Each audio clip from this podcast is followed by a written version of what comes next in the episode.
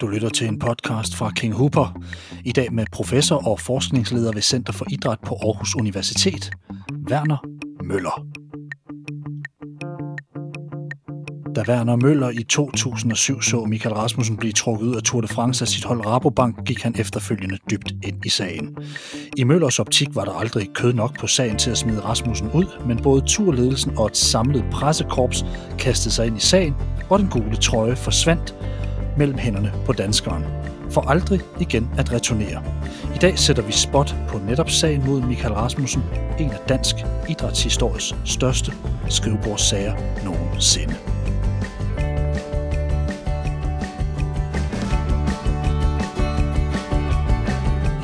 Werner Møller, velkommen til en King Hooper podcast. Du har skrevet bogen Løgn over løgn om Michael Rasmussens Tour de France exit. Hvordan, Werner, blev du egentlig involveret i den her sag og tilblivelsen af en bog? Ja, det var også lidt pudsigt. Øhm, det startede egentlig med, at min kollega fik en henvendelse øh, fra Michael Rasmussen via Facebook. Og han, øh, han kontaktede mig så og spurgte, hvad, hvad, hvad han skulle gøre ved det. Øhm, jeg er ikke selv på Facebook, mm. men øh, på det tidspunkt, der sad jeg faktisk nede i Italien. Øh, det var tæt på, hvor Michael Rasmussen boede. Og øh, så aftalte vi faktisk, at, øh, at, at vi kunne mødes der. Så jeg sagde til ham, øh, jeg er i Italien, du kan sige til Michael, at jeg er her, og øh, så kan du sætte et møde i stand. Og det gjorde han. Så mødte jeg med Michael. Øh, vi aftalte at, at mødes på et hotel, øh, og så kørte jeg med ham ned til, til Gardasøen, hvor han boede. Øh, jeg, jeg boede faktisk, som sagt, ret tæt på, op ved Lago Maggiore. Og det var der, vi havde vores, øh, vores første møde, hvor jeg fik set på hans, øh, på hans sag, sådan stille og roligt. Jeg synes, det var, det var ret vigtigt at formøde ham øh, sådan person til person, mm. fordi han, øh, altså sagen var jo alvorlig, og øh, jeg kunne godt se, at den var interessant, men jeg var naturligvis også bange for, at, øh, at, at blive misbrugt på en eller anden led, ikke? i det der. Hvor lang tid efter tur-exitet er det her, at I mødes? Jamen, det var jo øh, i 2008. Mm. Øh, i forbi- jeg mener faktisk, at det var tæt på, at der var VM i Varese. Det kan også være, at jeg tager fejl af det. Øh, det er jo simpelthen så mange år siden. Ja. Jeg kan dårligt øh, huske det. Men i hvert tilfælde, så, øh, så mødtes vi der, og, øh, og, og vi fik, altså, vi brugte en eftermiddag øh, på at, og, og, og tale sammen om det. Og så lavede vi den aftale, at, øh, at jeg fik alle hans papirer med. Og vi lavede den aftale, at jeg kunne stille ham alle de spørgsmål, øh, som jeg ville, og han, svarede, han skulle svare ærligt på alle de spørgsmål, som var. Og i samme åndedrag sagde jeg selvfølgelig til ham, at øh, jeg forstår godt din situation. Jeg forstår også godt, at der er nogle spørgsmål, som øh, du ikke kan svare ærligt på, hvis jeg stiller dem. Så mm. dem vil jeg lade være med at stille. Uh, så det er jo min del af aftalen. Altså, og det var selvfølgelig et spørgsmål til, øh, om han øh, i virkeligheden havde været dopet. Øh, for, ja, for det kommer jo ikke frem før senere, kan man sige. For det vidste jeg jo, øh, at det var han, det han været med 99,9 øh, procent sandsynlighed. Ja. Så, så at stille ham det spørgsmål, det vil, det vil jo, altså det er jo det, som jeg vil synes var, var urimeligt. Mm. Øh, der, der tvinger du nemlig manden til at lyve. Ikke? Og det refererer jo faktisk til en af de ting, som han var udsat for, øh, da han sidder på pressemødet, og hvor historien om hans advarsler øh, er kommet frem. Mm. Da den begynder at, at, at løbe, der sidder der en journalist nede bagved øh, Lars Værge, øh, som stiller ham det her spørgsmål. Kan vi stole på dig? Og altså et spørgsmål som det, når du sidder der, det er der jo indlysende klart kun et svar på. Altså, uanset tilstand. Uanset. Øh, så han er, der, der tvinger man jo løgnen frem, kan man sige, ved at stille det spørgsmål. Og, øh, og, og det gav ikke nogen mening for mig at tvinge en løgn frem. Men jeg ville have adgang til alt materiale, og jeg ville være sikker på, at det, jeg, når jeg spurgte ham om noget, så fik jeg ikke bundet øh, historier på ærmet. Mm. Øh, og det var den øh, kontrakt, vi indgik der. Og med det, så øh, tog jeg hans sagsmappe med hjem. Og jeg sagde også til ham, at jamen, hvis, jeg, hvis, der, hvis jeg finder en advarsel et eller andet andet sted, så stopper samarbejdet med det samme. Og han var helt, men du, altså jeg har, hvad der er her. Og, mm. og han, havde, han havde styr på det, han havde system i det, og altså det var en ordentlig mappe, jeg fik med hjem der, med, med dokumenter for det ene og det andet.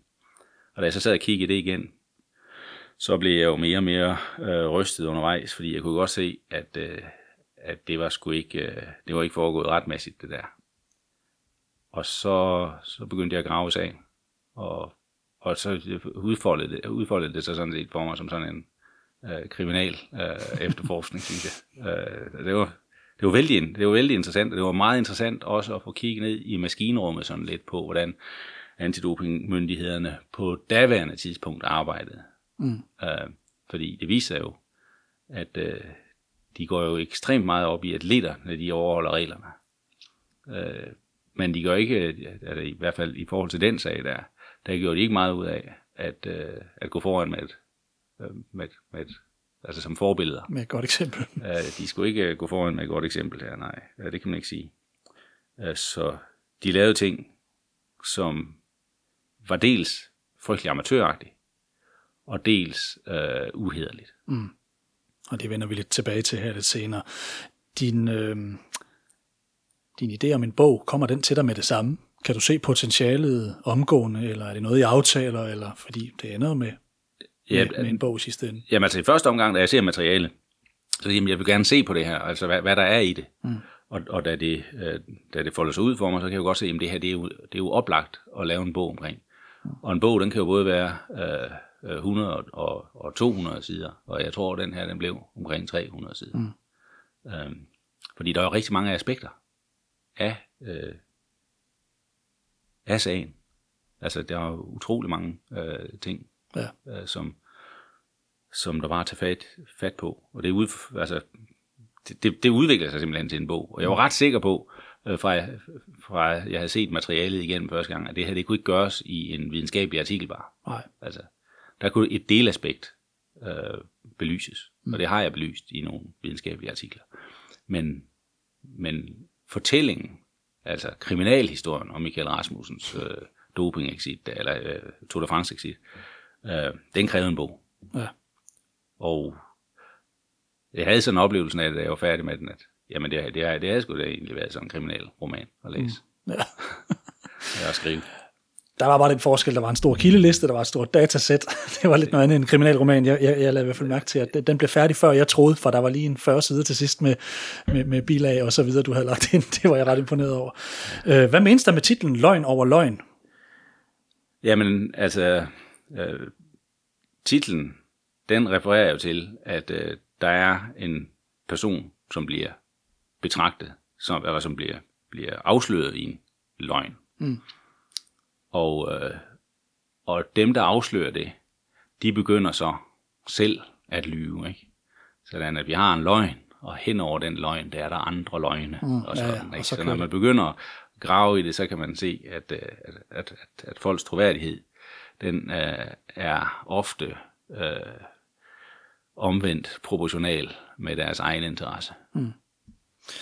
Vi tog noget lige her inden interviewet at tale om, hvor vi egentlig befandt os, fordi jeg betragtede jo det her på det tidspunkt, da jeg stod midt i den her sag, hvor Michael bliver taget ud af Tour de France i 2007, øh, og, og synes, det er helt forfærdeligt. Jeg, jeg, jeg kaldte det for vores sportslige 9-11 i forhold til det. Mm. Jeg er godt med på, at der var et slutresultat, der, der, der så anderledes ud, øhm, og det kommer til lige om lidt, men, men jeg kan huske, hvor jeg var. Kan du huske, hvor du var mm. i forhold til, da, da, da Michael bliver, bliver trukket ud?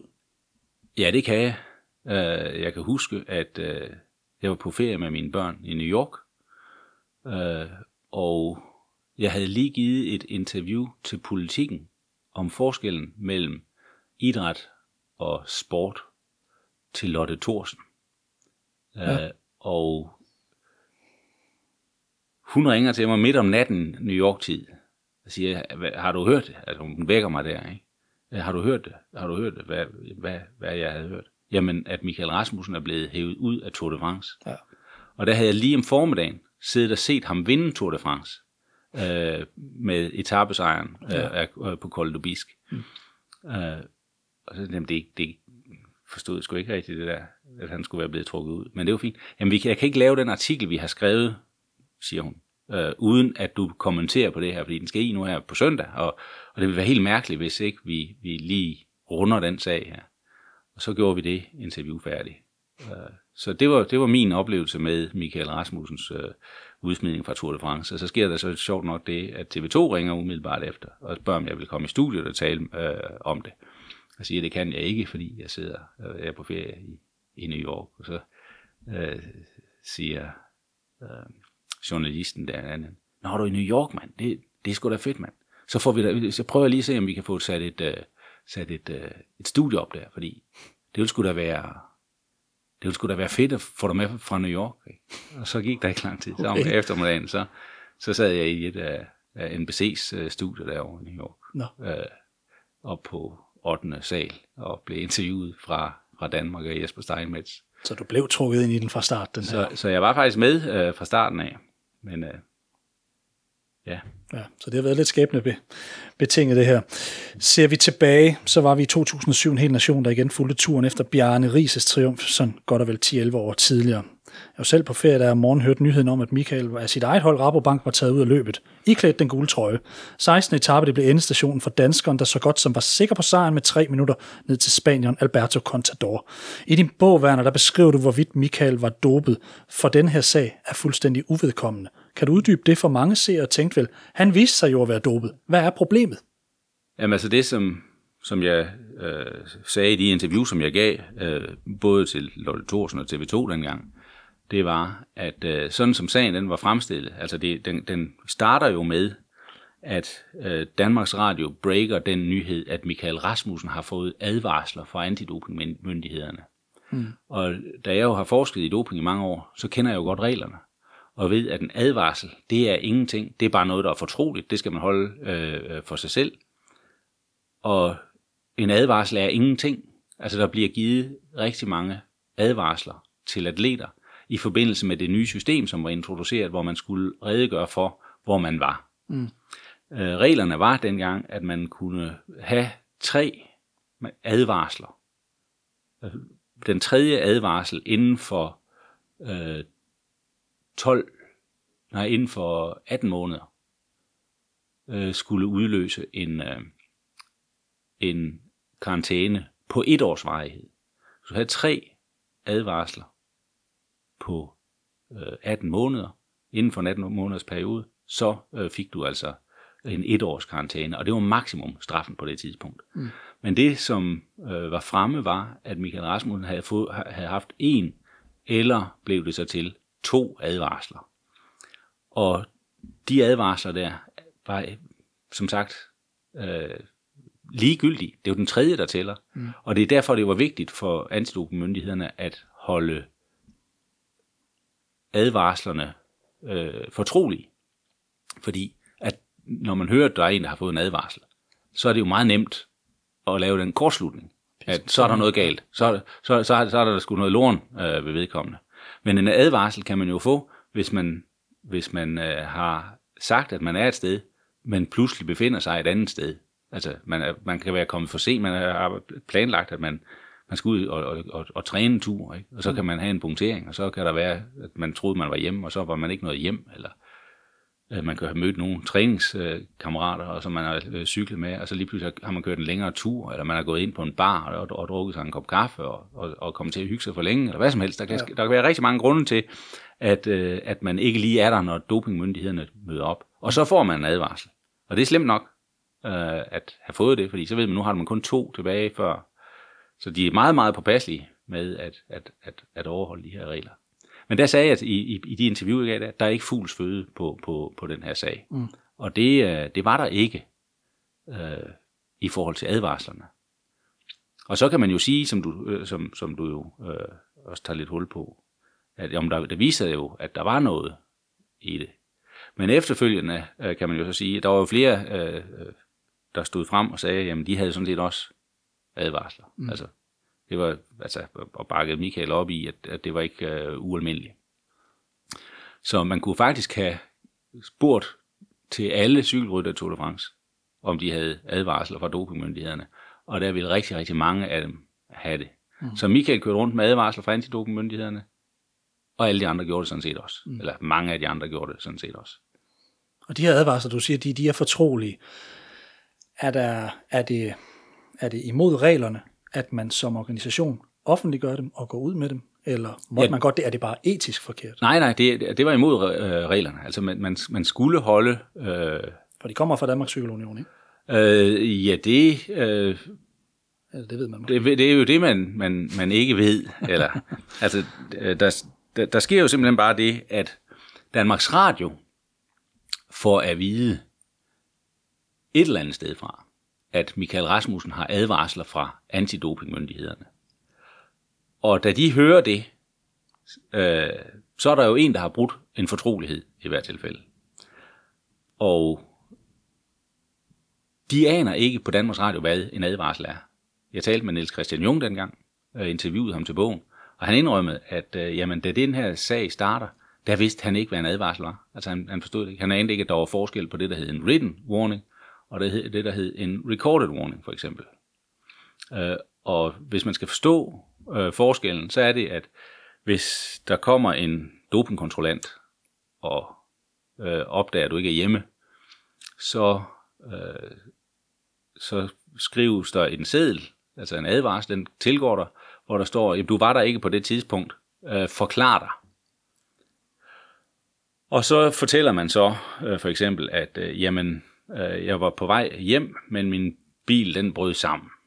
Og her har vi øh, kvitteringerne fra øh, værkstedet, det hotel, jeg opholdt mig på, øh, og jeg har gjort alt, hvad jeg kunne for. Og så bliver advarslen annulleret. Og så bliver den advarsel annulleret. Så det vil sige, at du kan faktisk have lige så mange written warnings. Mm. Øh, du kan have, have modtaget 100 på, på, på, på, på et år. Øh, de tæller ikke som noget som helst. Det er først, når de bliver recorded. Og du skal have en written warning, før du kan få en recorded warning, altså en tællende advarsel.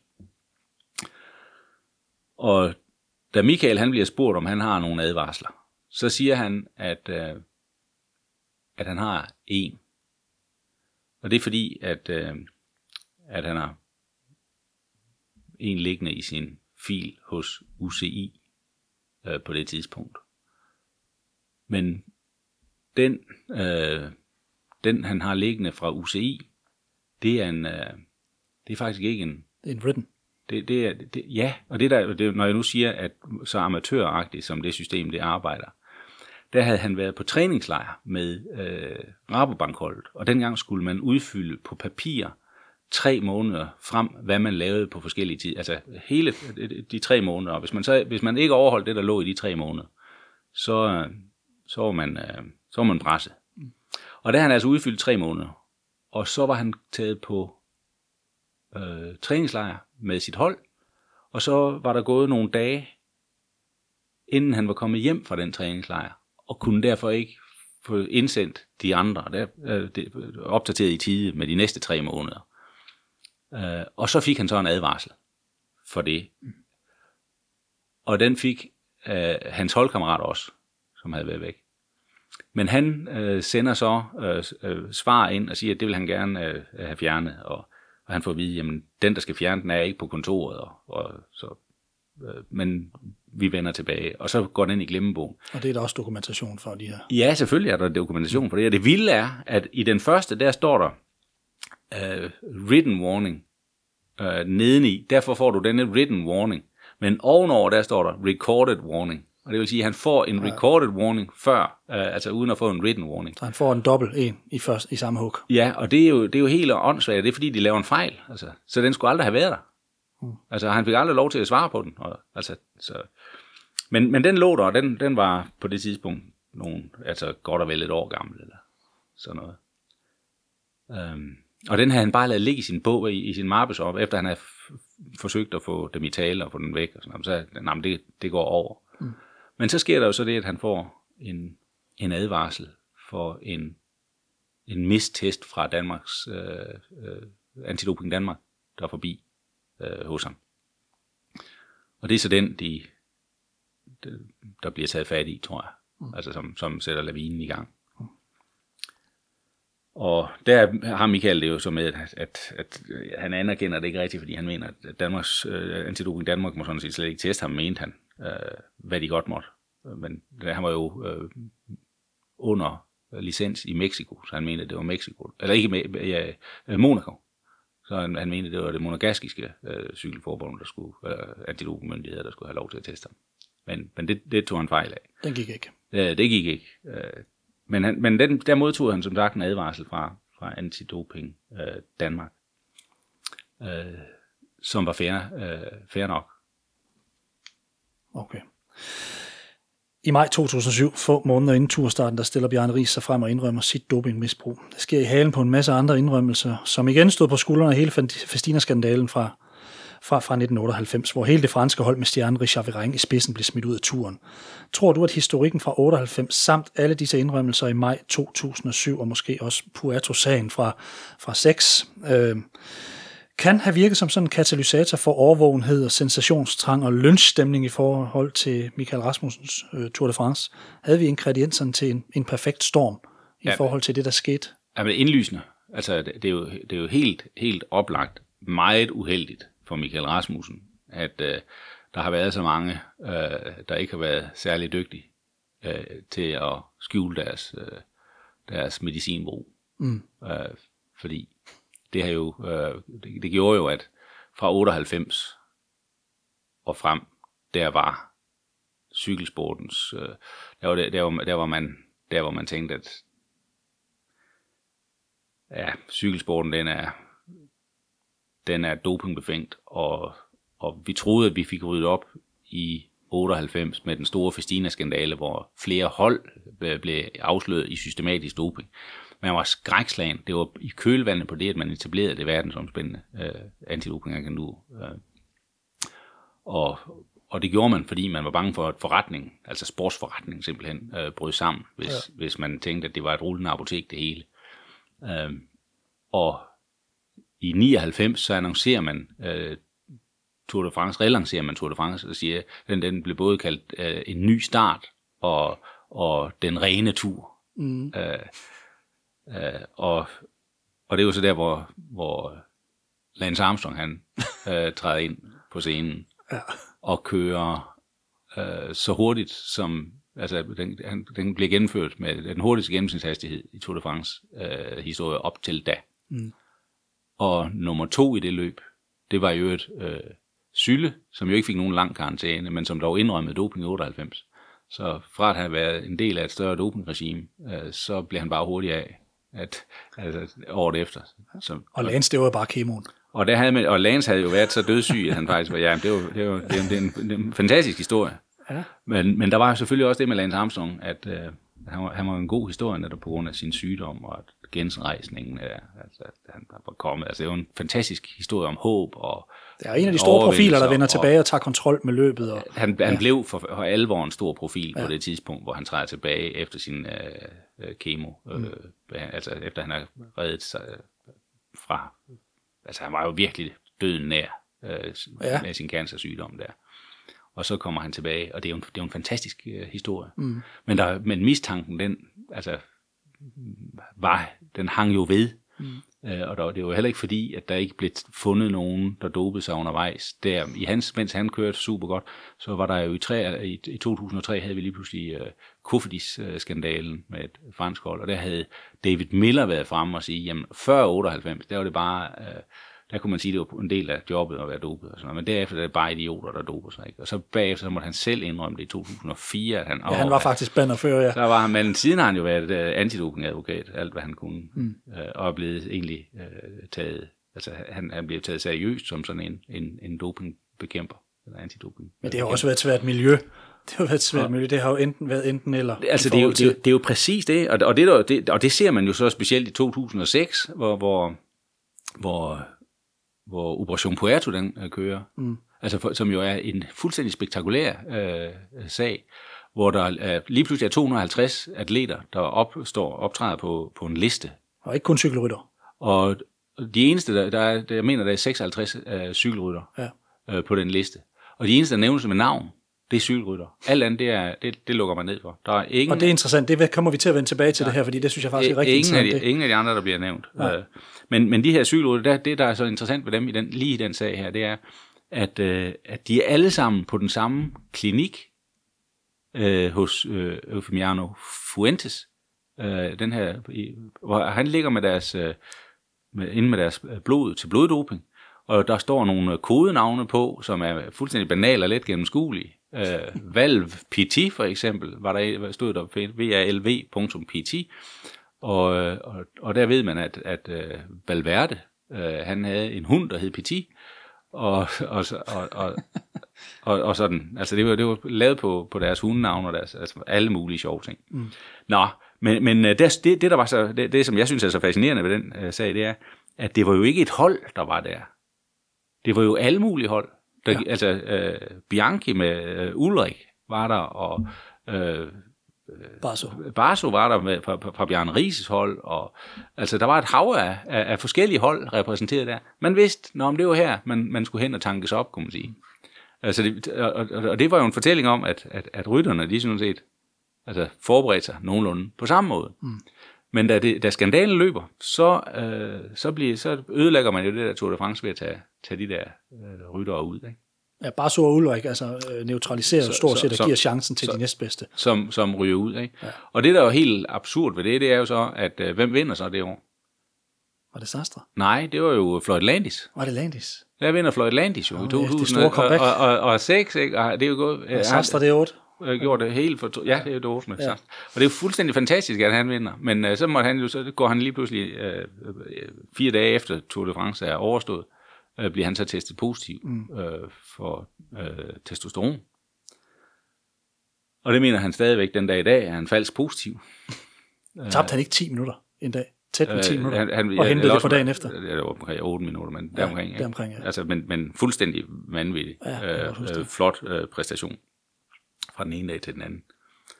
Og der talte jeg faktisk med ham om det, fordi der, der, jeg, jeg spurgte, at han, han, jeg, jeg mødte faktisk Floyd Landis øh, i Australien i forbindelse med en konference, øh, hvor jeg boede med ham. Øh, vi delte et hus i en uge, og han er ualmindelig sød og rar mand. Ja. Og der, der sad vi så ude, og, og, og så spurgte jeg ham der, til, til de der forskellige teorier. Blandt andet så sagde jeg til ham, jamen kan det ikke have været, at du havde fået den der, altså at du har fået en pose blod, øh, øh, inden det, øh, altså da du laver din genrejsning der, og at der har været et, øh, en rest af testosteron i, øh, i, den, øh, i den blod, du får- så altså har taget tilbage. Og siger, jamen, jamen, den teori, den har han da tænkt over, men den giver ingen mening, fordi at den blodpose, jeg tog, den tog jeg dagen før. Og dagen før blev jeg også testet. Og der var jeg negativ. Så nu har jeg så, øh, så bliver, tester jeg positiv. Øh, næste gang jeg testes. Ja. Og det kunne han simpelthen ikke øh, få til at passe, for så skulle han også være positiv første gang, han bliver testet, efter han har fået blodposen.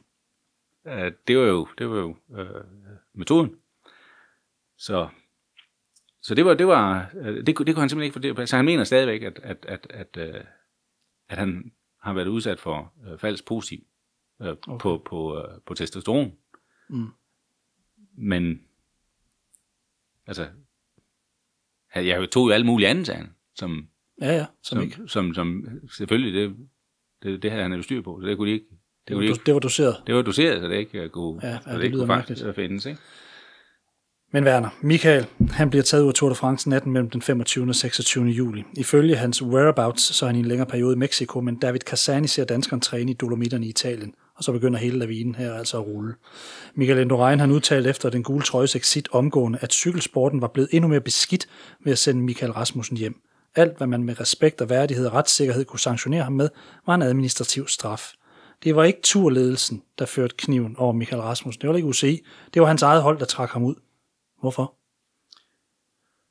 Jamen altså, det, sagen er jo, altså nu nævnte du selv begrebet den perfekte storm, og det, det var jo det, han blev ramt af.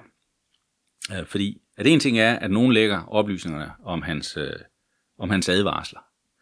En anden ting, det er, at, øh, at vi i, i, i, i Danmark øh, havde et antidopingsystem, som var så, øh, så regelret, kunne man sige, at, øh, at, at man besluttede sig for, som det eneste forbund i verden, at sende advarsler til UCI. Og øh, det er nemlig sådan, at, øh, at advarsler, som sagt, er fortrolige, og dem holder man internt, og meningen er, at man skal holde dem internt, indtil man har tre, så fremsender man en, en uh, dopingsag. Jeg, fandt, jeg, jeg interviewede på det tidspunkt øh, Øh, Antidoping England, altså UK Sport, som stod for antidopingprogrammet derovre. Og de sagde glasklart til mig, at øh, jamen for at man kan få en, en sag på halsen, så skal man have fået tre advarsler. Enten, at, enten af typen øh, mistest, altså man har misset test, eller øh, øh, filing failure. Og hvis man har øh, to af hver, så vil de ikke, altså så kunne du have fire advarsler, uden at få en sag, og så vil de ikke have gjort noget som helst ved det. De vil først fremsende det til UCI, i tilfælde af, at de havde en fuld sag. Øh, og UCI kunne også teste, og de kunne så sidde med deres, men de skulle ikke, og der står i reglerne, at, øh, at de her øh, advarsler may be combined. Mm. Og når man siger may be combined, det vil sige, de kan eventuelt kombineres. Men det er ikke sikkert, man gør. Øh, og det er klart nok, fordi hvis Antidoping Danmark for eksempel er nede og teste Michael Rasmussen på et tidspunkt, hvor han øh, ikke er til stede, og at man så samtidig øh, har en øh, og grund til, at han ikke er der, det er, at han har lavet en filing failure. Hvis han så får for både filing failure og for mistest, så får han to for den samme forseelse i virkeligheden. Ja. Og det er derfor, der står, at det may be combined. Men der havde vi en jurist, som var formand for Antidoping Danmark på det tidspunkt, Jens Evald. Og han øh, sad og kiggede på det der, jamen may be combined, det kan jo ikke bruge til noget som helst. Det må simpelthen skulle betyde shall be combined. Og fordi han havde den fortolkning af det, så sendte han det til, til UCI, så UCI vidste, at han også havde fået noget fra Danmark. Og der sad de nede og tænkte, hvorfor, hvorfor pokker får vi dem? Men nu havde de altså lige pludselig to liggende på ham. Mm. Og samtidig havde de en filing failure på ham, selv synes de, fordi at de havde fået et sent brev ankommet øh, fra Mexico. Og så var de lige pludselig noget lorne øh, ved ham. Er det det brev, der egentlig er stemplet i Italien? Ja, lige præcis. Ja. Og, og der er det, at, at, øh, at, at, at øh, Anne Griber går ud og bryder sin fortrolighed ved at, øh, at, at sige, at Michael Rasmussen, han er jo en af de her man in black. Hun sætter navn på ham. Jamen, Michael Rasmussen er jo en af dem, der, han blev, der, der hun bliver spurgt om det. Ja. Fordi vi ved, at han samtidig er i Mexico. Så der ligger hun jo lige pludselig øh, pres på ham. Eller, eller, ja. Og, og det, det forstærker jo, det er jo en del af den der perfekte storm. Ikke? Ja. Og så øh, blæser det jo op dernede, og så samtidig så kører han helt fortryllende og, og der sidder David Cassani, som er super begejstret for Michael Rasmussen kørsel, og kender rigtig godt til cykelsporten og hvordan det, det fungerer, og siger, han, jeg mødte ham her, det pissede simpelthen ned. Øh, og så lånte jeg ham en, øh, en regnjakke. Han var den eneste på bjerget, der var træner. Og det, det han ville udtrykke, det var, at han var så dedikeret til, til, til den her sejr, og det er derfor, han kører så rasende godt nu. Ikke? Mm. Men tilfældigvis, så kan øh, så, så øh, høre Niels Christian Jung det interview, vi gør opmærksom på det, og han kan italiensk. Og da han så hører det der, så siger han, hov, hvis det er rigtigt, så har han jo ikke været i Mexico, hvor han siger, han er i Mexico. Så har han jo været i, øh, i Europa. Og det vil sige, den der øh, advarsel, han har fået, den er så i hvert fald god nok. Mm. Og så bliver øh, Casani så interviewet om det. Og så siger han, jamen det, jeg så ham der på de her de tidspunkter. Og, og på det tidspunkt, der, der sker der så øh, det, at øh, Prydom har været fremme og sige, hvorfor er det, at Danmarks Cykelunion de går frem med de her ting nu? Hvorfor ikke tidligere, ja, præcis. før turen? Øh, hvorfor ikke efter turen? Hvorfor lige præcis nu? Altså, I har et horn i siden på det der. I, I er ved at ødelægge jeres egen vinder for fanden i Danmark. Ja, jeg har altså, ved at lave en skandal for hans eget løb også, ikke? Jo, jo, jo og, og I er ved at ødelægge turen, men ja, I er også ved, altså en, et hvilket som helst andet land, altså Spanien eller Italien eller hvad som helst, der havde en Tour de France vinder på vej vil jo aldrig nogensinde begynde at lave en historie ud af det. Øh, Nej. Men det vil Danmarks øh, Cykelunion så. Øh, og, og, og det er jo det, som, som jeg mener er, er den, øh, at at han bliver ramt af den perfekte storm. Fordi folk er villige til at bryde deres, øh, øh, deres tavshedspligt. Øh, og øh, folk, så, øh, altså, så, og så det her med, med, øh, med Kasani, der, der ved, ved et totalt tilfælde i begejstring kommer til at, at, at forråde ham. Og så det aller sidste, det er jo det, at Michael Rasmussen selv mister sit cool i virkeligheden. Øh, og det, det, er det, det, det det, det, altså, som jeg godt kan lide. Fordi han bliver spurgt decideret, direkte af, af sin øh, sportschef, øh, Theodor om, om han har, om, om Kasani har set ham der. Og se, hvis Michael nu havde været den øh, forbenede løgner, som man øh, gør ham til, altså den her fuldstændig umenneskelige løgner, øh, så ville han selvfølgelig have sagt, nej, det har han ikke ret i. Jeg har, jeg har aldrig mødt ham der. Altså, det er en historie, han sidder og digter for åben skærm, fordi han gerne vil vise, at han er sådan en, der stadigvæk er lidt mere og har genskab til rytter. Det er en fantasi, han har. Mm. Det er da ikke nok, jeg mødte ham for lang tid siden, øh, og der skinnede solen, og det er så, men nu har han, han så lavet den her historie. Altså, hvis han havde fyret den løgn af, så ville han ikke kunne blive smidt ud. Men der sker, øh, det, men Michael kan ikke forråde Kasani, fordi det er et menneske, han snyder, som han egentlig sætter pris på. Mm. Og derfor prøver han i stedet for at, at, at sige til Kasani, jamen holder du fast i det der? Altså, kan vi ikke lave en aftale? Eller kan vi ikke? Og det, det er Kasani selvfølgelig ikke med på, fordi det vil hans troværdighed, der så vil røge. Ja. Øh, og, og fordi Michael så ikke gennemførte løgnen, altså den onde løgn, altså den, der ville udstille Kasani som en fjols, ikke? Mm. Øh, jamen så, så havde Rabobank ikke anden øh, mulighed end at tage ham ud efter hårdt pres fra Tour de France Societetet. Ikke? Mm. Øh, og der er de selvfølgelig blevet truet med, om altså, hvis I ikke tager ham ud, så er I ikke med næste år, eller så, altså, Ja. hvad som helst. Ikke? Så Og efter det her, Werner, så går du så ind i sagen.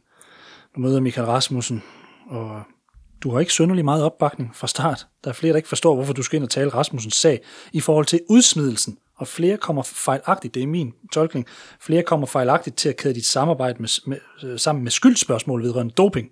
Det er udsmidelsen, du kigger på, som, som, ja. som jeg ser det. Havde du betænkeligheder ved at sætte det her skib i søen, som du gjorde?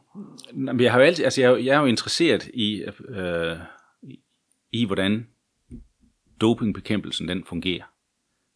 Øh, og jeg prøver så vidt muligt ikke at, at, at tage parti, mm. men simpelthen beskrive, hvad er det, øh, hvad er det for en verden, hvordan øh, virker den, øh, hvad siger øh, reglerne, og hvad, øh, hvordan øh, forvaltes de i praksis. Øh, og det er jo rigtigt nok, at, øh, at man skal jo... Altså, der er jo enormt mange emotioner omkring sådan noget her. Og, og, og der sker jo det, at, øh, at Michael Rasmussen på grund af, af, af historien der, bliver lagt enormt for had. Og i det, jeg sidder og skriver en bog om ham, eller offentliggør en bog om ham, øh, der bliver jeg jo så øh, associeret med løgneren, ikke? og løgnerens advokat. Og det er tit sådan, at den, der er advokat for morderen, øh, selv bliver betragtet som øh, kvartskyldig, ikke? Jo. Øh, fordi man vil dække over. Men for mig der var det sådan set ikke et spørgsmål om at dække over, det var bare et spørgsmål om, at øh, jeg var interesseret i, hvordan det her det virkede. Og det var en super interessant sag for mig at, øh, at, at, at undersøge. Og det er selvfølgelig ubehageligt at påminde til for antidopingmyndighederne, at de finder ud af, eller at, at, at, de, at de bliver konfronteret med deres egen inkompetence. Mm. Altså for eksempel så øh, viser det sig, at, øh, at Antidoping Danmark på det tidspunkt øh, giver Michael Rasmussen en advarsel for en øh, for en øh, at han kommer for sent frem på grund af et aflyst fly. Og han har øh, han, han, han sidder med, med, med øh, dokumentation for øh, øh, det hele. Men det afviser de simpelthen. Samtidig havde Jakob Fuglsang på samme tidspunkt øh, misset et fly øh, på tilsvarende vis. Og det eneste, han havde at, at, at, at bakke sin historie op med, det var en parkeringsbillet fra øh, flyvepladsen, som han kunne have fået af hvem som helst. Mm. Michael får en advarsel for det. Fuglsang fik ikke en advarsel for det. Og, og det, det spurgte jeg dem om, ikke? og så sagde de, jamen altså, vi sidder jo og vurderer folks troværdighed, altså, og dybest set så kunne jeg ikke få det til andet, at de sagde, kan vi lide ham, eller kan vi ikke lide Ja, ham? i præcis. Det var ikke så data-minded. Øh, og det var ikke et spørgsmål om, hvad er principperne for, hvornår udløser man en, en advarsel. Øh, og at man så siger, at det er præcedens, så den her, hvis vi har givet for det, så skal den her også give en advarsel for det samme. Så Mm. det, det arbejdede man, man, man ikke med. Og, den, øh, og endnu vildere synes jeg det var at opdage, at Michael Rasmussen i sit svar til UCI øh, på, den, øh, på, den for, for, på det brev, han havde afsendt for sent fra Mexico. Det var ankommet, øh, den, det var blevet afsendt den 6. og det skulle afsendes den 4. Øh, øh, hævdede øh, UCI. Og det, det var også rigtigt nok. Det, det, men Michael sagde jo, jamen jeg har jo afsendt den den 4. Og, og de påstod hårdnakkerne, at, at den, de havde først modtaget den 8. Og det vil sige, at det måtte være afsendt den 6. tidligst. Men øh, UCI sad faktisk med øh, konvolutten, hvor man kunne se, at der var to stempler på. Øh, fordi det var flyttet fra det ene posthus til det andet. Og på det ene, der kan man se, at der står, at det er sendt, afsendt den 4. i det første stempel. Så der er stemplet ned over øh, det stempel, og der øh, står der så, at det er afsendt den 6. Men begge ting er på, da han så gør opmærksom på, at det er afsendt den 4. Så insisterer de stadigvæk, nej, det er den 6. Fordi at de kunne ikke have givet ham advarslen, hvis de havde fulgt reglerne og tjekket okay. det, der, der, den uh, konvolut. Ja. Og de var fjollede nok, vil jeg sige, til at, uh, at sende ham materiale til, og det er jo igen lidt, det er jo egentlig meget sødt, kan man sige, men, men de sender simpelthen hele sagsakten til Michael, øh, da han skal forsvare sig i retssagen. Og der får han den konvolut tilsendt, hvor han simpelthen nu har dokumentation for, jamen I kan jo se det afsendt fjerde. Men da, han, da, da sagen bliver øh, rullet op mod ham, der øh, bliver det stadigvæk fastholdt foran øh, øh, Kas, at, øh, at øh, altså da han anker sagen, der, der, der fastholder de stadigvæk, det afsendt den 6. Mm. Hvilket er meget, øh, er meget gået. Du har udtalt på et tidspunkt i et øh, interview her i sommerferien faktisk, hvor der var tur déjà vu på TV2, at UCI er fremme og fabrikerer en af advarslerne. Hvad er det for en af de her advarsler, du taler om der? Jamen, det er den her advarsel. er, det den her med, er det den med, med, med konvolutten her? Ja, det er den med konvolutten, ikke? Altså, at, at, at, at, at, det er jo et spørgsmål om, at, at de jamen, altså, hvis, reglerne er sådan, at man må opdatere sine, øh, øh, sine whereabouts øh, informationer. Det kan man gøre enten per, øh, per øh, brev eller per e-mail. Og for Michael, der var interesseret i at være væk en tid, øh, var det smart, at han kunne sige, nu er jeg taget til, øh, til Mexico. Og så få sendt fra Mexico en, en, øh, et brev med en opdatering af, at nu var han altså rejst fra Mexico. Fordi så, så ville han blive, blive svær at fange i de der mellemdage. Så det var egentlig det, der, der, der var hans... øh, Det var, der, det var, han, han havde siddet og kigget på de her regler. Men hvordan er reglerne? Og hvis jeg, hvis jeg laver sådan en, en svigmølle på dem her, med at sende per brev fra det tidspunkt til det tidspunkt, så, så er jeg sådan set uh, home safe, så kan jeg ikke få nogen advarsel uh, for det. Mm. Og det skriver de jo i fortvivlelse til ham, at uh, jamen, det er jo noget, det er et værre cirkus, du kan jo også opdage, uh, opdatere per mail, uh, men, men uh, jamen, der, jeg kan også opdatere ved brev, det er så det, jeg har valgt. Mm. Og, og de kan jo godt se, at den er lidt lullen, men hvis de havde fulgt reglerne, uh, så kunne de ikke have givet ham den advarsel. Så hvad sker der i det øjeblik, man står med en konvolut og siger, at I kan jo se, det er den fjerde? Bliver det så bare fejret af bordet til en retssag Ja. og sagt, nej, det er den sjette, og det er sådan, det er? Det, det, det, var, det, den, det, det, var sådan, det var. Ja, det, den øh, advarsel, den blev, som den blev. Og så sker der jo det selvfølgelig, at, at retssagen, den, den kører jo først, øh, da det er sådan, at han har fået lige pludselig et læs af advarsler. Altså lige pludselig, så begynder de bare at producere advarsler. Øh, øh, sådan. Jeg kan, ikke, jeg kan ikke huske konsekvenserne, eller hvad hedder det, øh, jeg kan ikke huske øh, hele detaljerne om, om, omkring det, men lige pludselig så begynder de at sende nogle flere. Og, sådan. Øh, og ikke nok med det. Øh, reglerne er øh, på det tidspunkt, at man for whereabouts forseelser maksimum kan få et års udelukkelse. Og så er han sådan set tilbage at kunne køre øh, ganske kort tid efter jo. Mm. Men, men der beslutter man sig for, nej, men det her, det er jo ikke en whereabouts forseelse. Øh, det er tampering with, øh, og, og tampering, altså det manipulere med, mm. med dopingprøver, øh, den øh, koster to års udelukkelse. Og det der tampering, det er jo noget, man har sat ind, hvis det er sådan, man for eksempel giver en, afgiver en urinprøve, og så man hælder et riskorn i, eller sådan noget, og ødelægger prøven, eller, ja. og det er det, der, der, var, der var tænkt som sådan. Ikke? Men for at han ikke skulle slippe af med et, så besluttede man sig for at sige, at det der, det var også tampering. Uh, ja. Altså han fik, han fik, uh, han fik uh, en straf, der var dobbelt så lang som den, han egentlig uh, kunne have fået, hvis uh, reglerne var blevet fuldt, sådan som de var skrevet. Ja, alt det her med regler, men man kan godt sidde og tænke, at, at en mand, som så bevidst forsøger at omgås reglerne og ja. tænke reglerne og udnytte systemet. Selvfølgelig. Hvordan skal vi, hvorfor skal vi egentlig sidde og forsvare det? Hvorfor skal vi sidde og, og egentlig retfærdiggøre, og burde han ikke have kørt turen og så videre? Ja. Men der er jo mange andre rytter, der har gjort det her, og tænkt i de samme baner. Selvfølgelig. Så det er måske også det. Men jeg tænker lidt, i min optik, så er der altså flere, der har haft et horn i siden på Michael. Udover det internationale cykelforbund, så virker både turledelsen, Danmarks cykelforbund, samt flere andre meget, meget afmålte i forhold til ham og Lars Værge, tidligere journalist for Ekstrabladet, som du har omtalt her, han har tidligere udtalt, at selv Lekip ikke ville skrive om Michael, mens han var i gult. Man troede ikke på ham, og man brød sig ikke om ham. Det vil sige, at en fransk avis under Tour de France ikke skriver om manden i gult. Hvad mener du sådan har bragt Michael i den her situation? Jamen, det er jo da, den der historie øh, begynder at køre omkring, øh, altså den gule, der, stort set da han, da han kommer i den gule trøje, der er det jo, at, at, at, at øh, at, at sagen den begynder at, at brage løs. Ikke? Øhm, og så, altså, så vil, så, så er det jo klart nok, at man begynder at blive sådan lidt luren øh, ved, ved, ved manden. Altså det er jo ikke fordi, at Legib ikke øh, skrev om ham. Nej. Øhm, øh, det var de, altså selvfølgelig gjorde de det. Øhm, men, øh, altså,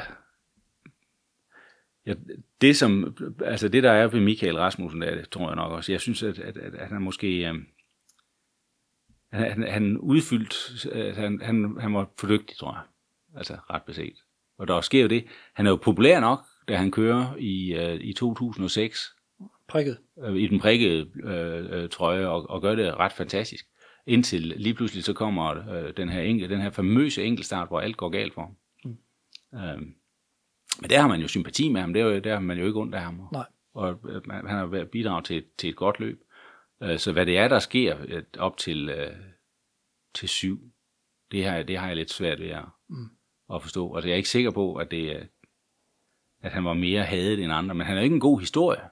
Altså, fordi han er jo, han er jo dansker, men er ikke meget for Danmark i virkeligheden. Altså, han Nej. har jo sit, altså, han var jo, øh, han var meksikansk gift og havde øh, snakket om, at han ville være meksikansk statsborger. Og han havde lagt sit, øh, sin licens i, i Monaco, og, altså, og havde, havde simpelthen havde, havde et udstående med Danmarks Cykelunion. Og det er det, der er afgørende. Altså det er ikke, fordi franskmændene ikke kan lide ham. Det, der er afgørende, det er, at dansk cykelsport ikke kunne lide ham. Øh, Jesper Vore brød sig simpelthen ikke om ham. Øh, og og det er jo det, som, som også viser sig ved, at da historien begynder at køre, så er det jo ikke Jesper Vore, der så går ud og siger, at han har, altså, de der advarsler er fortrolige, og jeg skal holde min, min mund. En del af den perfekte storm, det er, at Jesper Vore rent faktisk sender øh, et brev til Anne Griber, om de må offentliggøre de her advarsler. Og det svarer hun ikke på, og så siger han, det tolkede vi som om, det måtte vi så gerne. ikke det? Og det, det fortæller, at det har simpelthen kriblet i fingrene på, på, på ham, for at få lov til at ja. øh, udbasonere. Øh, Tilgivelse i stedet for tilladelse. Den her. Ja, ja, det, det er klart nok. Ikke? Jamen, det er vi nødt til. Når vi nu ikke fik tilladelse, så, så håber vi på tilgivelse. I den gode sags tjeneste, selvfølgelig. Ja, ja. Men Michael er jo en ener. Han er, har været lidt vanskelig at arbejde sammen med. Han har sine helt egne metoder og så videre, så, så, så han er måske også sådan en, en, der altid har gået sine egne veje, og det er også lidt den historie, der, der går om Michael, at han er kompromilløs og så videre. Det, det kan jo også bidrage ind i, at man, at man kan have lidt et horn i siden på ham, eller han er ikke en del af fællesskabet. Det er jo noget, vi, vi hylder meget i Danmark, og, og synes jeg. Ja, det kan du sige, men altså, jeg vil jo samtidig mene, altså fordi du har fuldstændig ret, Michael er sgu ikke ligesom de fleste mennesker, det er han altså ikke. Han er ualmindelig rar på mange måder, øh, men han er ikke almindelig. Altså det, det bliver bare, altså det, det er indlysende klart. Men jeg tror heller ikke, at det er almindeligt at vende Tour de France. Altså, øh, hvis, man, hvis man skal give sig øh, selv øh, til sporten med den dedikation, som han har, så bliver man nødt til at være egoist. Altså sådan virkelig egoist. Og, og så får, får man nok også den mentalitet, der hedder, at hvad er, øh, altså, hvad er det for nogle forhindringer, hvad er det for nogle øh, problemstillinger, der skal ryddes af vejen? Ikke? Jamen, jeg vejer lidt for meget. Øh, jeg skal simpelthen ned i vægt. Jamen, så rydder man fedtet af vejen. Ikke? Mm. Altså, man prøver på alle måder at, øh, at, at optimere sig. Og det gør man jo ikke, øh, så sidder man jo ikke og hygger sig med de andre, altså sidder og, og spiser chips og, og, og fester og så videre. Så er man inde i sin egen øh, boble. Ikke? Han skar også sadelpinden, mener Ja, men han, han gjorde alt muligt. Altså, der gik jo mange historier om, ja, hvad, hvad, ikke, hvad, han gjorde, hvad, hvad han gjorde altså, af, af, af ting for at få den øh, gjort lettere. Ikke? Men altså, han, var på, han var på den der optimeringsting hele tiden. Og totalt dedikeret. Og jeg havde jo også den oplevelse med, da jeg sad og interviewede ham de første gange, at han var, han var på. Altså den her sag, den optog ham. Så jeg, jeg kunne sidde, jeg har aldrig interviewet folk, der har været så på i fem timer i træk eller sådan noget. Mm. Vi sad nede i hans kælder, ikke? bam. Og jeg skulle fandme vide det, og nu bum, bum, bum. Ikke? Og han, gen, han, han kunne det hele forfra og bagfra. Og, altså, det, det, var ret, øh, det var ret fascinerende. Og så var han jo også øh, så var han jo interesseret i, at, øh, at jeg fik skrevet noget. Altså det. Og så øh, på et tidspunkt kan jeg huske, at han, øh, at, at han øh, sagde, hvornår, hvornår kommer der noget?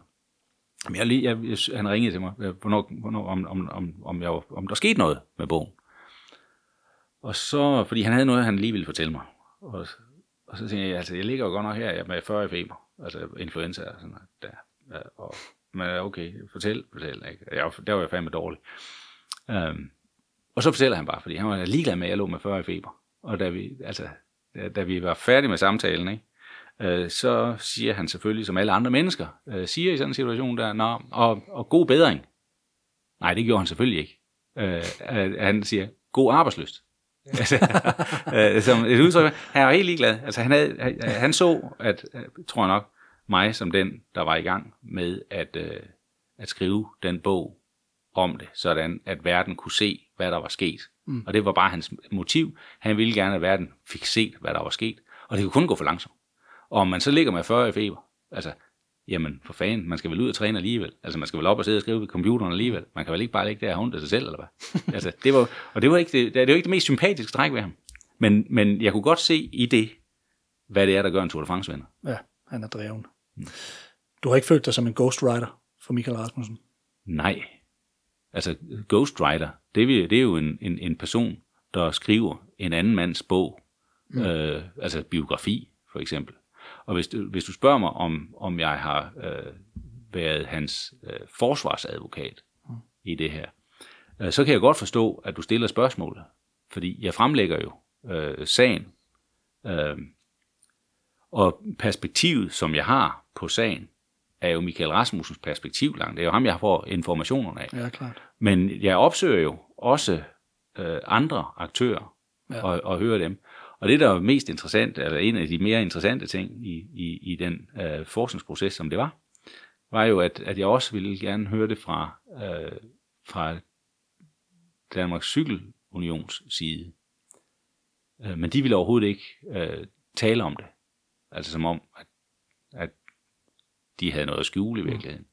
Og jeg inviterer dem over nogle gange, og så siger de, at jamen, de vil slet ikke være bidrag til sådan et kommercielt projekt hvor til jeg så replicerer, at jamen, jeg gør det ikke det her øh, af, af økonomiske årsager overhovedet, jeg gør det af forskningsmæssig interesse. Og, øh, og hvis det er sådan, at det, bekym- det, det bekymrer dem med pengene, så vil jeg da tilbyde dem halvdelen af mine øh, royalties for det. øh, og det, det flyttede dem ikke. Så der, den solgte faktisk helt godt, kan man sige. Så der, der mistede Danmarks Cykelunion sådan set i hvert tilfælde øh, ja, et eller andet beløb, som de kunne have brugt øh, ja. til, til deres ungdomsarbejde. Ja, og sådan. Men, øh, men sådan skulle det ikke være. Men det var ikke for at inkriminere dig, Werner. Det var, det var faktisk for at spørge lidt til, om du, om du sådan havde oplevelser undervejs, hvor du ligesom måtte sige, hmm, nu skal jeg lige, altså i forhold til, du får mm. måske fremlagt tingene af Michael først, og derefter kigger man på det selv. Men du har en forskningstilgang, du er jo idrætsforsker, mm. øh, så, så, så, så det var mere, hvordan, hvordan processen var for dig, om du sådan havde, om du følte, du havde godt fodfæste hele vejen igennem. Jamen, altså det synes jeg øh, sådan set, øh, at at jeg havde... Øh, altså, jeg, jeg synes ikke, at, jeg, jeg mener ikke, at, at jeg har skrevet noget i bogen, som som var øh, øh, skævt, og når jeg lige tøver øh, et øjeblik, så skal jeg nok forklare, øh, hvorfor jeg gør det. En af de ting, når man laver sådan øh, arbejder med interview, for eksempel, det er jo, at man har et eller andet ansvar for dem, man interviewer.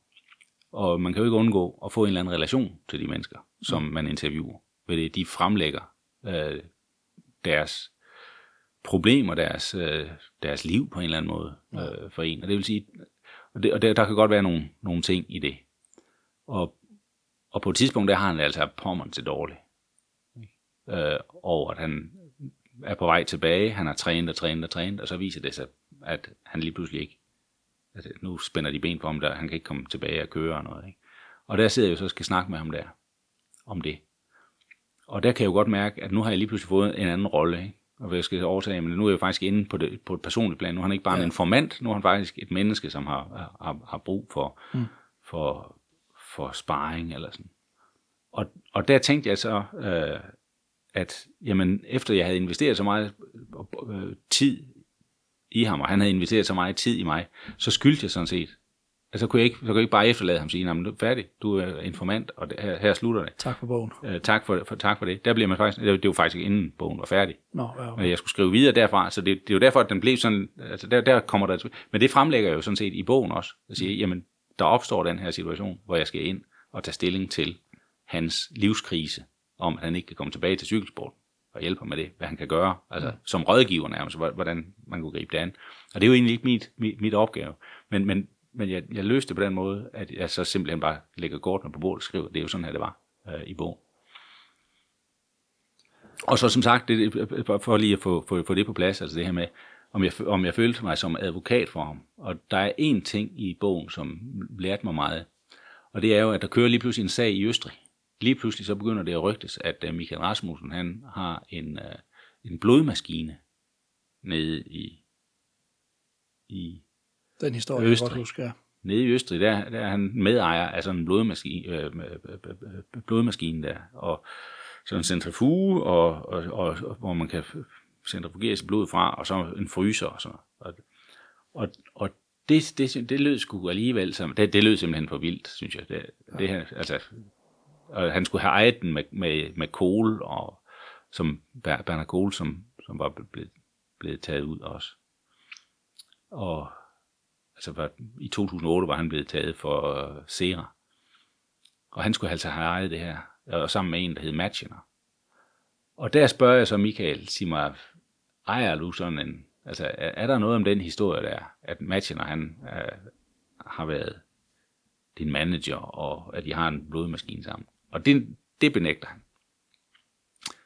Uh, og der skriver jeg så hans benægtelse ind i bogen. Altså, det, at, at og, og det viser sig jo så, at det var ikke rigtigt. Altså, han havde jo, øh, han havde jo en, en, han var involveret i den sag der. Og der løg han for mig. Mm. Og det har vi drøftet sidenhen, fordi det var jeg sgu ikke tilfreds med. Men som man sagde, jamen vi havde jo en aftale fra starten af, at øh, de ting, altså hvis, hvis, øh, hvis han ville svare ærligt på alle de spørgsmål, jeg stillede mig, øh, stille ham, hvis jeg til gengæld lovede ikke at stille ham nogle spørgsmål, som han kun kunne svare øh, øh, ja, okay. ærligt på. Og det der, det kunne han ikke svare ærligt på. Og derfor mente han sig i sin gode ret til at lyve over for mig, lige præcis om det spørgsmål der. Og det var fandme ikke, det, det, er ikke, det er jo ikke så heldigt. Men det fortæller mig faktisk, altså det, jeg, jeg har faktisk brugt til siden til, det er jo illustrativt i forhold til undersøgelser, fordi hvad er det, de her interview, altså når man arbejder med kvalitative interview, som vi gør, ja. Øh, hvad er troværdigheden af dem? Altså, ja. det, det, er, det er, man skal gå med være forsigtig. Fordi jeg troede faktisk, at jeg var øh, tæt på Michael Rasmussen. Øh, altså, at vi havde en fortrolighed, som gjorde, at han ville have sagt til mig, du hvad, det der, det er et af de spørgsmål, som du ikke kan stille, vil jeg bare lige sige. Så det vil jeg ikke svare på. Altså, det kunne han sådan set godt have gjort. Men i situationen, ja. der kunne ja. han ikke det. Så, så tæt var vi ikke alligevel, lige i det øjeblik. Ellers var der noget vane, der meldte sig i forhold ja. til en type spørgsmål, som ja, det, han har fået tusindvis af gange. Måske. Det, måske det er jo svært det, at sige. Men det er i hvert tilfælde, det var i hvert fald, det, var, det, det er derfor, lige præcis der tænkte jeg, på det spørgsmål, der, der synes jeg skulle jeg blive lidt brugt. Altså, hvis jeg skal være helt ærlig ja, jo, jo. om det. Jo. Men Werner, Carl Evans, Sastre og så videre, det er nogle af de lidt senere vinder efter Michael. De, de kommer igennem og stadig den dag i dag pletfri de er heller ikke under anklage her. Det er ikke det, jeg sidder og siger. Lance Armstrong har sandsynligvis også haft en clean karriere, hvis ikke han var vendt tilbage, og Landis havde følt sig forrådt. Det har han netop udtalt i den dokumentar, der er lavet om ham fra, fra ESPN, at tilbagekomsten var egentlig det, der, der, der ligesom fældede ham. Hvis nu Michael kategorisk havde nægtet alt i 2007, netop omkring den der Kasani-ting, som du sagde, havde man så egentlig haft noget på ham i dag i 2020, eller havde det her pres fra de andre Rabobankrytter? Tror du, det havde været for meget? Tror du, den var endt i en, i en indrømmelse alligevel? Nej, det tror jeg ikke. Altså, hvis, altså hvis, hvis man forestiller sig, at alle havde fulgt reglerne, det vil sige, der var, der var ikke, de her advarsler var ikke blevet lækket. Så han vundet. Så, så havde han vundet, og så havde øh, han kørt nogle år endnu. Og mit indtryk er, at han er, han er simpelthen øh, for intelligent til at blive taget i en dopingkontrol. Altså, han har styr på sit shit, for nu at mm. tale nydansk. Uh, og det havde han uh, dengang. Du har kaldt ham klogere end dem, han, det, uh, han det, op imod. Det, det, og det tror jeg også er noget af det, der har provokeret nogle mennesker. Ja. Altså, at uh, de kunne godt se, at, uh, at ham der, han er, han er ikke helt uh, skruet dårligt sammen om. Altså, der er lys i pæren, kan man sige. Ja. Du har også tidligere nævnt, at grunden til, at Michael pludselig blev så åbenmundet, øh, som, som det efterfølgende på alt det, det der skete her, er, at Levi Leipheimer vil inkriminere ham for noget tilbage fra 2003. Hvorefter det hollandske forbund tager fat i ham og læser og påskriver, at hvis ikke han taler, så kan det enten ende i livstidsstraf eller lignende. Kan du uddybe den her episode, fordi Rasmussen har fået kritik for sin trang til at fortælle. Var det her en af grundene til det? Altså nærmest en pistol for panden? Jamen altså, det, det er jo fuldstændig vildt, altså også i forhold til den der øh, måde, hvorpå antidopingarbejde det, det virker. Altså det, det er på en eller anden måde øh, cirka retlø, øh, retsløst. Altså de, atleterne, de er virkelig øh, presset. Altså det, det, det, det er for vanvittigt. Altså det, der sker, det er jo, at i forbindelse med øh, sagen i Amerika mod øh, US, øh, mod øh, Lance Armstrong, øh, der øh, fortæller Libby Leipheimer som bliver hævet ind til, til forhør der. Og de skal jo give noget for ikke selv at komme i fedtefaget. Sådan øh, havde de besluttet sig for at gøre det i USA. Så siger han, jamen han kan huske, at han øh, faktisk en gang i 2003 havde siddet og, og taget, øh, taget EPO sammen med Michael Rasmussen. Øh, da de kørte på hold sammen. Og det var jo efter, at han, han var blevet udelukket i to år for whereabouts forseelser. Og, og det, som man så siger, det er, jamen, øh, øh nu prøver vi skulle øh, at tage fat i Michael Rasmussen. Og der er en forældelsesfest på 8 år. Og nu var det her, altså 11, det, det var 2011 eller sådan noget, deromkring. At man så tager fat i ham igen. Og, og så siger man, hey, på grund af det her, nu har vi fået den her, vi vil øh, satse på, at du får en toårig øh, udelukkelse for det her også. Og en toårig udelukkelse, det vil i, i princippet betyde, at du får en livstidsudelukkelse. Fordi du har allerede en toårs udelukkelse. Ja. For det, du gjorde i syv. Så at du, altså, nu har vi jo opdaget, at du, du snød op til, ty, øh, til syv, ikke? Altså, som, som en dopet rytter. Ikke? Men fordi du også dopede dig i 2003, så skal vi også knalde dig to år for det. Mm. Og så kunne de jo sige, at hvis vi så finder ud af, at du også har gjort det i 2002 eller 2004, eller 2000, så kunne man give to års karantæne for, for hvad så, så jeg sagde til, til, til Michael Rasmussen der, øh, da han ringede mig og spurgte om det, at øh, jeg tror ikke, at jeg ville, altså hvis jeg havde været i den situation, så tror jeg ikke, jeg ville have talt med, med, med de hollandske dopingmyndigheder, som var dem, der, der for, øh, førte sagen. Kunne han, ikke, kunne han ikke det? På det arabe. Ja, det kunne han da bare gøre. Og så kunne de se, om de kunne, øh, de kunne, de kunne øh, give ham karantæne for en forseelse i 2003, efter at han havde haft en, en på, på øh, ikke på beviser, men på et, en persons øh, vidensbyrd. Ja, ja efter at, øh, at han havde siddet den af i to år fra øh, 7 til 9. Ja. Altså, det er, jo, det er jo fuldstændig vanvittigt. Men, men der, var han, der var han så forslået og så forpint af, af, af, af skrækslagen over det der antidopingarbejde, og, og det måde at forvalte regler på, som, som, er, var, som, som ikke følger, lad mig sige det sådan, som ikke følger de almindelige juridiske standarder, altså øh, almindelige øh, retsprincipper. Så så det, det turde han ikke at lade være med.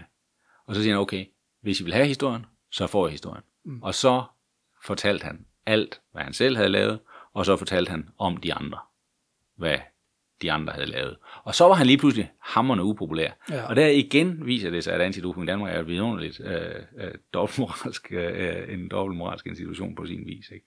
Fordi at, øh, at de har jo så sagt til for eksempel Nicky Sørensen, at, øh, at øh, jamen, hvis han udtaler sig om det her, så skal de nok dække over, over, over det. Altså han kunne udtale sig anonymt. Ikke? Og så modtager Michael et brev, hvor i der står, at Nicky Sørensen han har indrømmet, at, øh, at han har gjort brug af nogle ting. Og det får Michael jo så i hænderne, og udbasonerer sig, og får så at vide, at han, må, altså han får et brev, inden han udbasonerer det, at, øh, at den der, han skulle bare lige vide, at han har fået tilsendt et forkert brev, fordi det der, det skulle altså være anonymiseret, og han må ikke under nogen omstændigheder bruge det, og hvis så har han brudt sin fortrolighed, så vil de gå efter hans livstidsstraf på ham igen, hvis det er sådan, han fortæller, at Dickie Sørensen okay. og, og, og, de andre, der har udtalt sig, at de har dopet sig. Og det er han så ligeglad med. Nu kan de bare komme efter ham. Han lå så ikke true øh, der. Mm. Øh, og så er han blevet enormt upopulær, fordi at det han jo egentlig gør, det er, at han kommer til at vise, at jamen det er, der er, du kan enten vælge som cykelrytter og sige, at øh, jeg vil gerne køre med om sejren, og så følger du de øh, normer og vilkår, der er for det, eller også så kan du øh, hente en flaske i ny og næ og se, hvor langt du kan køre med. Mm. Hvis du har et meget, meget stort talent. Ja. Men alt det her med Michael, der taler. Du har udtalt, at Michael han er ikke blevet takket egentlig for at lægge alle kort på bordet. Men øh, skal han have tak? Træf han i din optik det rigtige valg ved at gå til bekendelse? På den måde, som han gjorde? Jamen, det er jo altid vanskeligt. Altså, altså det, er, det er jo en vanskelig ting for mig at tage stilling til. Altså, jeg mener ikke, at, at, at han gør noget forkert ved at fortælle, hvad han ved, når han bliver tvunget til det. Det mener jeg sådan set ikke. Og jeg synes, det er helt mærkeligt, at, at, at folk, som er meget imod doping i sport, at de har meget imod, at nogen så fortæller om, at der foregår doping i sport. Men er det det her kodex med at holde den ved sig selv?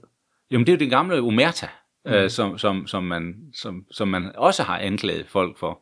At der er en tavshedens lov, øh, som, som eksisterer. Øh, men, men der burde man da sige, jamen okay, nu har han så været ude og, og nu har han lagt alle kortene på bordet, ikke? Men så bliver det til, jamen det er jo bare fordi, han vil, han vil altså, tage andre med i, i faldet, ikke? Jamen, at tage andre med i faldet, altså skal vi finde ud af, hvad der foregår, eller skal vi ikke finde ud af det? Altså, skal vi kun have et fli afdækket, eller skal vi have vasket øh, øh, hele, øh, alt, alt snavsetøjet? Og Michael, han har jo været meget ærlig i sine indrømmelser, og sætter man ham over for folk som Copy, Anquetil, Mærks, Moser, Fignon, Pantani, Virang og så videre, så har de alle en fælles historik. Jeg nævner, der er flere, jeg godt kunne nævne her. Øh, den historik, denne doping. Fælles for gruppen af rytter, jeg netop har nævnt, er, at de stadig er voldsomt populære. Alt imens en gruppe, som for eksempel indeholder Armstrong, Ulrik og Michael Rasmussen, flere steder, især i turen, er betragtet som en form for fredløse. De er ikke velkommen tilbage i varmen. Hvad tænker du, det skyldes, at Michael har fået den her negative skygge kastet over sig? Jamen altså, det, jeg, jeg mener simpelthen, at, at øh, Tour de France øh, udsmidningen i syv er forfærdeligt traumatisk for alle involverede. Og det er et forfærdeligt traume for Tour de France, at skulle øh, opdigte en, en, en anden historie, end den, der var ved at udspille sig foran os. Altså, det var enormt smertefuldt for dem at se den gule trøje, ikke bare under mistanke, men trukket igennem sølet og, og øh, u, altså helten øh, fremstilles som det onde selv, der lyver og bedrager og hvad som helst. Det, det kan ikke være rart for folk, øh, som ejer Tour de France, at se det. Nej. Og det er klart, at når de ser ham, øh, så er det på en eller anden måde, ligesom øh, det er for et, vold, øh, et, et voldsoffer at møde sin øh, voldsmand. Altså det var voldsomt for øh, Tour de France i 2007, da Michael Rasmussen den blev smidt ud. Var det værre, end da rytterne året efter Bjørn Rises triumf sætter sig ned og nærmest demonstrerer midt på, på gaden, kan du huske situationen? Det var også meget traumatisk. Ja, det var og, det. og den her, altså i det hele taget, den her øh, oplevelse af øh, systematisk doping i Tour de France, øh, det var, det var jo, det var jo, øh, det var, en, det var absolut forfærdeligt. Ja. Øh, den øh, leder, de havde dengang, øh, Jean-Marie øh, Leblanc, øh, han gjorde det med større værdighed, end øh, Christian Brødom gjorde i, i syv. Men det er øh, to øh, alvorlige ting. Og det, der er den store forskel, det var, at det ene sted, der bliver den systematiske doping afsløret. Ja. I den anden situation, der er det øh, søndebukken. Mm. Det er stadig søndebukkefortællingen. Ja. Michael bliver hængt ud som den i den gule trøje, som, som, øh, som tager alle sønderne på sig og bliver øh, ekspederet ud. Og det interessante er så, at hvem vinder så? Det gør øh, Alberto Contador. Alberto Contador, som øh, sidenhen bliver med meget lidt glenbuterol i kroppen øh, smidt ud og får øh, to års karantæne. Det var en vild bøf. Og, og, og det, der er så smukt, det er, at da Contador så vinder Tour de France igen, der sætter de øh, Michael Rasmussens national, altså den danske national øh, sang på. ja, det er rigtigt, ja. og, og, og det har jeg drøftet med mange, og der er egentlig, den, der har gjort det, altså det er ikke en tilfældighed. Der er en der, der har sendt et signal. Det er, ikke, det, det er simpelthen for... Det er, det er, for tilfældigt. For, det er simpelthen for godt til at kunne være tilfældigt. det er faktisk aldrig noget at tænke, mm. men, men det kan du godt have ret i. Værner i sagen mod Michael Rasmussen, hvem står med det største svær i hånden? Det svær, der kappede hovedet af ham og drømmen om Tour de France. Var det pressen, Rabobank, turledelsen eller Michael selv? Uh, det er helt entydigt den, der brød fortroligheden om advarslerne. Hvis den fortrolighed ikke var blevet brudt, så havde der aldrig været en sag, så havde vi aldrig hørt om det, og så havde jeg aldrig mødt Michael Rasmussen. Ved du, hvem der gjorde det? Uh, nej, men jeg ved, hvem det kunne være. Altså, for, og, det, og det ved jeg, fordi at dem, der har kendskab til uh, advarsler, det var Dansk Cykelunion, det var Antidoping Danmark, og det var UCI. Det er de tre instanser. En af de instanser har brudt fortrolighed. Så det kan i virkeligheden være mange? Det kan øh, være de tre institutioner, og inden for de, de institutioner kan det jo være dem, der har haft kendskab til, øh, til de her advarsler. Mm. Men øh, jeg skal ikke kaste mig ud i spekulationer om, hvem øh, det er. Og jeg skal heller ikke sige, hvem jeg mener, der er mest, øh, det er mest sandsynligt, det er. Fordi jeg skal ikke kaste mistanke på nulevende mennesker. Det tænkte jeg bestemt heller ikke, og det er også min ansvarlighed som den, der interviewer dig, hvis jeg har lært lidt af din, din fremgangsmåde, at selvfølgelig skulle jeg ikke bede dig om det. Jeg skulle bare høre, om du havde en, en idé om, hvor vi var henne.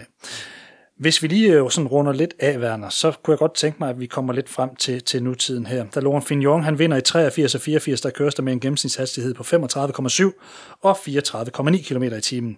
Efter dopingsagen mod Festina opgøret med doping 98, så køres der fortsat med en gennemsnitsfart på lige over de 40 km i timen. I år, 2020, der er sådan sjusset mig frem til, at de ligger lige under de 40 km i timen. Er vi ude i noget, der er, fy- er fysiologisk muligt, eller er, altså, er vi kommet videre i det her, tænker du?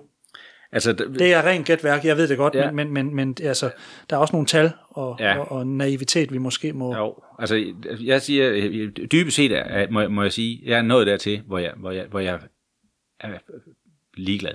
Altså sådan ligesom ligeglad med, okay. om der er doping eller ej. Jeg, jeg går ud fra, at der er øh, doping i cykelsporten, men jeg kan simpelthen ikke længere øh, have øh, den forarvelse, der er øh, over, at det skulle ske.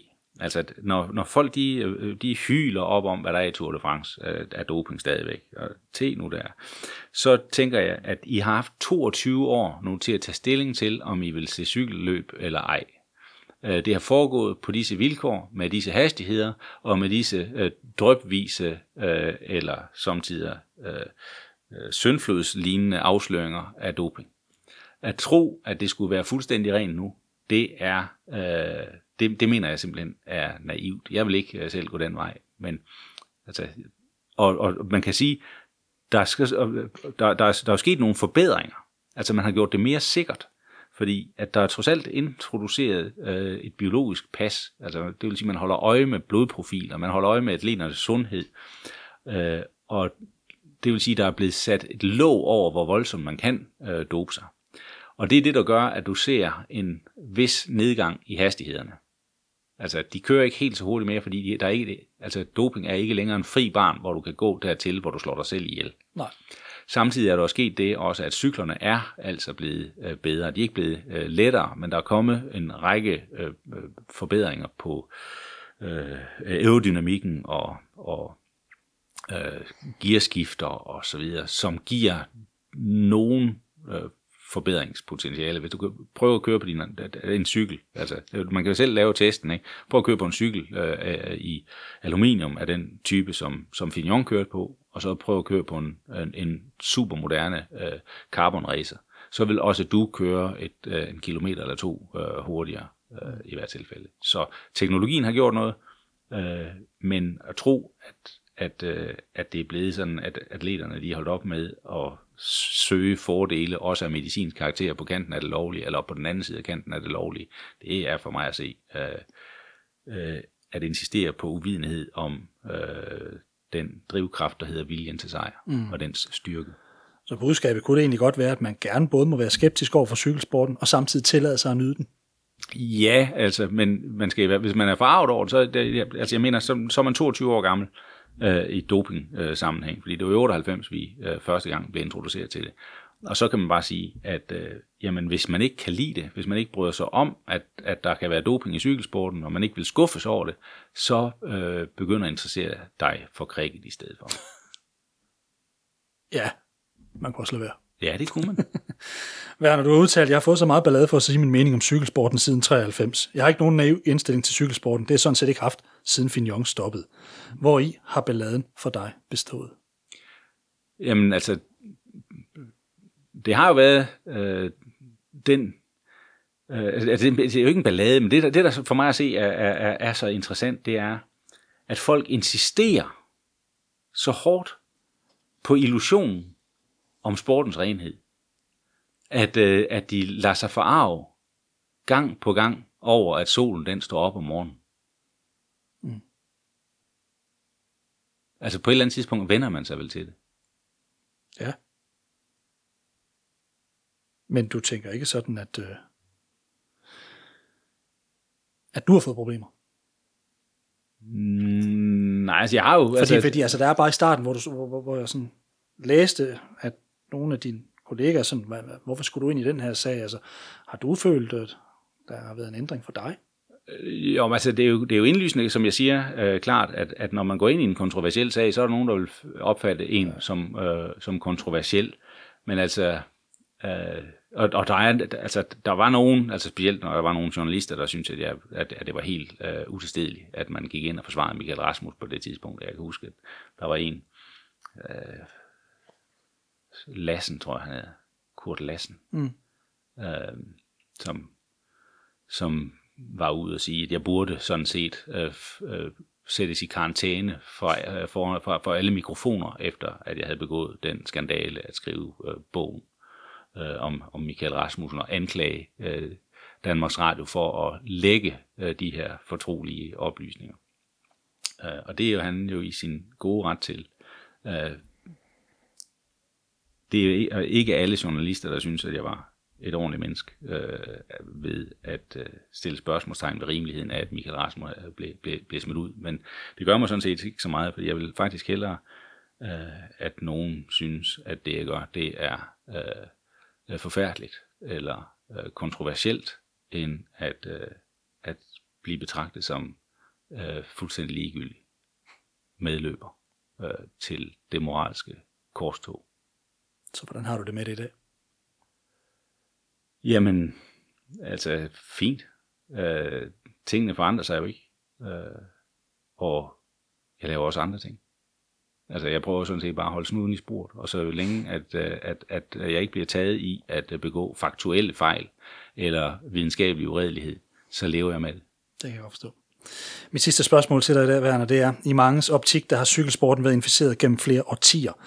Har cykelsporten fået en lidt uretfærdig hård medfart, og her tænker jeg på, at man netop har fået dopingsagerne frem, mens andre sportsgrene, hvor det hele indimellem også er lidt for godt til at være sandt, er listet stille forbi, mens cykling har taget en stor del af skraldet. Cykling har taget en stor del af skraldet, det, det er helt oplagt.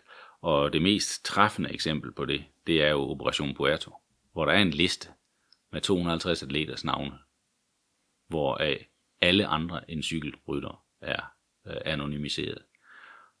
Hvorfor øh, det øh, er sådan, det kan man selvfølgelig kun gisne om. Men en af mm, altså en nærliggende tanke er selvfølgelig, at den liste, og det ved man, den indeholdt øh, ifølge Fuentes øh, både øh, tennisspillere, øh, atleter og fodboldspillere.